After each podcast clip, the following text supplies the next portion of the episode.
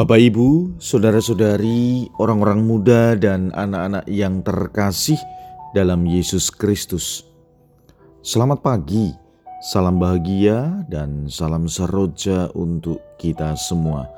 Berkah dalam bersama dengan saya, Romo Antonius Garbito Pambuaji, menyampaikan salam dan berkat Allah yang Maha Kuasa dalam nama Bapa dan Putra dan Roh Kudus. Amin. Hari ini Rabu 18 Januari dalam hari biasa pekan biasa kedua. Bacaan pertama dalam liturgi hari ini diambil dari surat kepada orang Ibrani bab 7 ayat 1 sampai dengan 3 dilanjutkan 15 sampai dengan 17. Bacaan Injil diambil dari Injil Markus bab 3 ayat 1 sampai dengan 6. Pada suatu hari Sabat, Yesus masuk ke rumah ibadat. Di situ ada seorang yang mati sebelah tangannya. Orang-orang Farisi mengamat-amati Yesus kalau-kalau ia menyembuhkan orang itu pada hari Sabat, supaya mereka dapat mempersalahkan dia. Kata Yesus kepada orang yang mati sebelah tangannya itu, "Mari, berdirilah di tengah."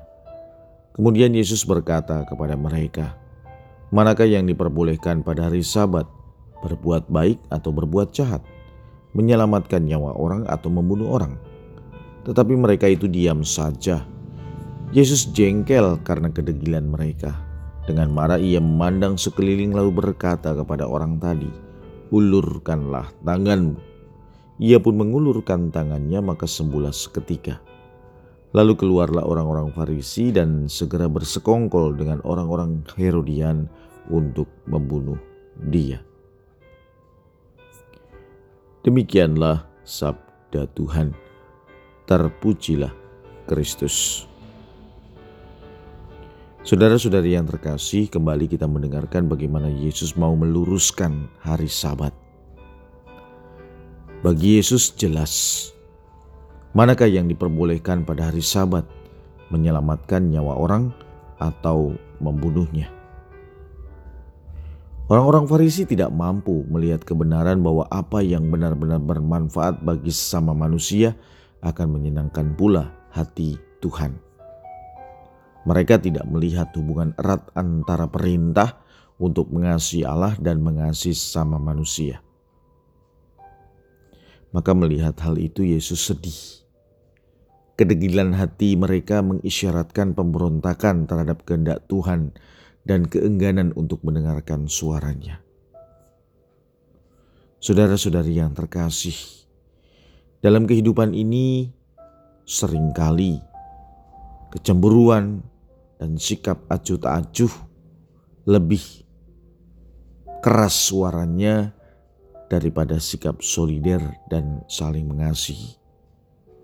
Maka tak dapat dipungkiri bahwa kadang-kadang ada orang yang menafsirkan kebaikan samanya sebagai kejahatan dan dengan itu berusaha menciptakan gagasan manipulatif yang menghancurkan hidup orang lain. Maka pertanyaannya apakah kita juga melakukan hal demikian ketika kita melihat ada orang yang berbuat baik lalu kemudian kita berpikir negatif terhadap apa yang dia lakukan? Kalau itu masih kita lakukan atau masih kita pikirkan, maka kita tidak beda dengan orang Farisi.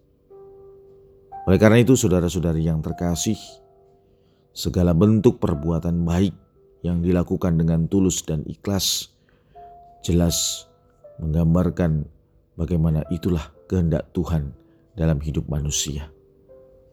Maka marilah kita tidak berhenti untuk melakukan perbuatan baik yang menyenangkan hati Tuhan. Marilah kita berdoa.